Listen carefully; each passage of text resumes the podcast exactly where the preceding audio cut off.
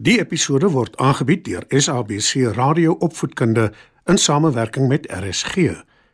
SABC Opvoedkunde, Enriching Minds, Enriching Lives. Opskud. Skryf nader en kom luister en leer saam.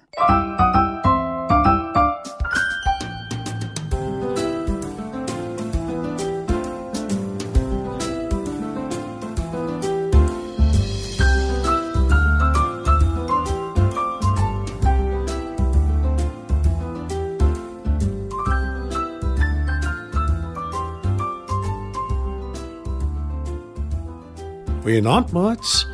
Welkom by nog 'n episode van Opskud. Vanaand se storie is nog 'n sprokie. Sneeuwwitjie en die sewe dwergies.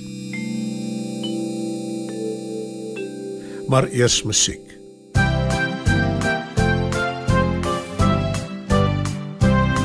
Daar's mense wat ons help. Mense wat jy kan vertrou. Mense wat verstaan.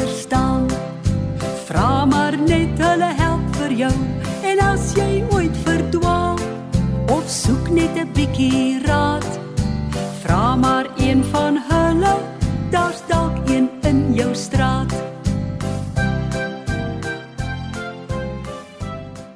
Lank, lank gelede in 'n land ver hier vandaan, was daar 'n koning wat 'n pragtige dogter gehad het. Haar naam was Sneeuwwitjie. Sy het saam met haar pappa en mamma in 'n paleis gebly.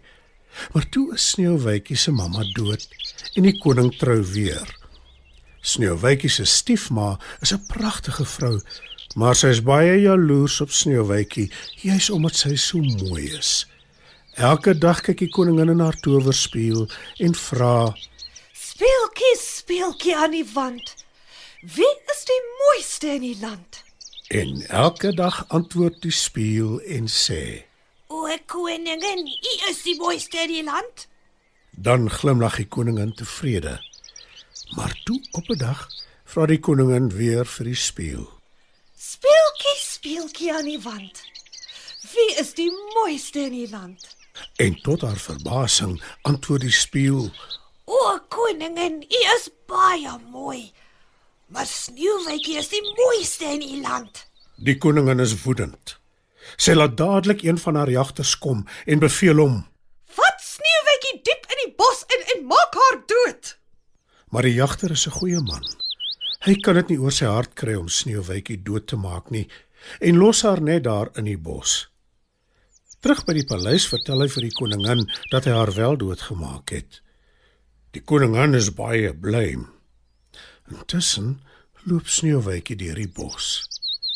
Sy is hartseer en verlore en weet nie wat haar te doen staan nie. En toe skielik sien sy 'n klein huisie voor haar. Sy stap versigtig nader en klop aan die deur, maar niemand antwoord nie. Sy maak die deur oop en gaan by die huisie in. Dit is baie deurmekaar en oral staan daar vuil skottelgoed rond. Daar is ook 'n kamer met sewe klein bedjies en sy wonder aan wie dit behoort. Maar toe besluit sy om die huisie op te ruim. Sy woel en werskaf en toe alles netjies is, maak sy 'n groot pot sop. Sy is teen die tyd so moeg dat sy aan die slaap raak. Later die middag word sy wakker toe die deur van die huis oopgaan en sewe klein dwergies aangestap kom. Wie is julle? Wil sy verbaas weet, Ons bly hier. Dis ons huis. Die vraag is wie is jy? Antwoord een van die dwergies vies. Sneeuwwitjie verduidelik vir die dwergies wat gebeur het. Jy kan by ons bly vir so lank as wat jy wil. Sê een van die ander dwerge. Vir al as jy die huis opruim en vir ons kos maak. Terg nog 'n dwergie, Baie dankie. Ek voel veilig hier. antwoord Sneeuwwitjie. Maar die eerste dwerg waarsku. Jy moet nogtans versigtig wees, veral omdat ons die hele dag nie hier is nie, want ons werk in die goudmyn. Ja, eh, moenie die deur vir enigiemand oopmaak nie. Sê 'n ander dwerg. Ek beloof ek sal nie. Sê Sneeuwwitjie. Baie dae gaan verby. Toe op 'n dag tel die nare koningin Sneeuwwitjie se stiefma weer haar spieël op en vra: Speeltjie, speeltjie aan die wand. Wie is die mooiste in die land? En tot haar verbasing antwoord die spieël: O, koningin, u is baie mooi, maar Sneeuwwitjie is steeds die mooiste in die land. Daar waar sy diep in die bos saam met die dwergies bly. Die koningin besef die jagter het vir haar gejok. Sy kry 'n pragtige goue borsel en gooi gif daarop. Toe vermom sy haar en gaan in die woud in op soek na Sneeuwwitjie. By die dwergie se huis aangekom, klop sy aan die deur. Sneeuwwitjie loer deur die venster om te kyk wie dit is. Die vermomde koningin glimlag slinks en sê: Ek het gehoor hier bly 'n meisie met lieflike lang hare. Toe besluit ek, ek bring vir haar die goue borsel om haar hare te kam. Sneeuwwitjie huiwer eers, maar dan vat sy die borsel en bedank die vrou. Toe sy weg is, kam sy haar hare en onmiddellik val sy bewusteloos op die vloer neer. En dit is hoe die dwergies haar veel later aantref. Hulle tel haar op en sit haar op die bank neer. En gelukkig word sy wakker. Hulle raas met haar toe hulle hoor van die borsel. En Sneeuwwitjie beloof sy sal versigtiger wees. Intussen vra die koningin weer vir haar spieël wie die mooiste in die land is. En tot haar verbasing antwoord die spieël dat dit nog steeds Sneeuwwitjie is. Die slag is sy vasberade om van haar ontslae te raak. Sy spuit dodelike gif in 'n heerlike bloedrooi appel. En weer vang sy Sneeuwwitjie. Toe sy 'n hap van die appel vat, val sy neer. En die slag ontwaak sy nie. Die dwergies is baie hartseer. Hulle sit haar in 'n glaskus en huil onbedaarlik. Maar toe kom daar 'n prins verbygery op sy perd.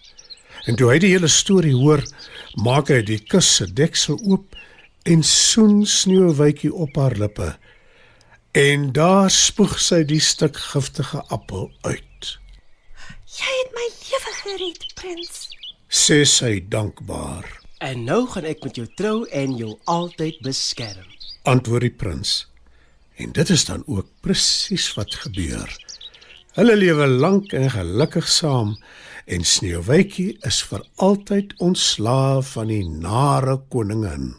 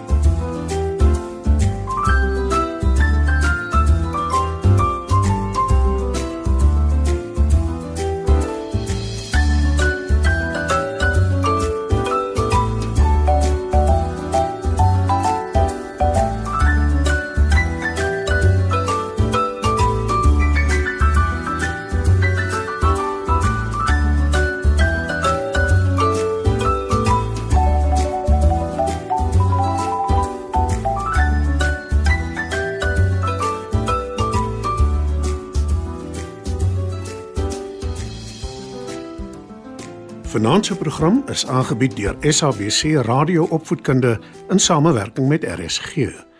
SABC Opvoedkunde, Enriching Minds, Enriching Lives.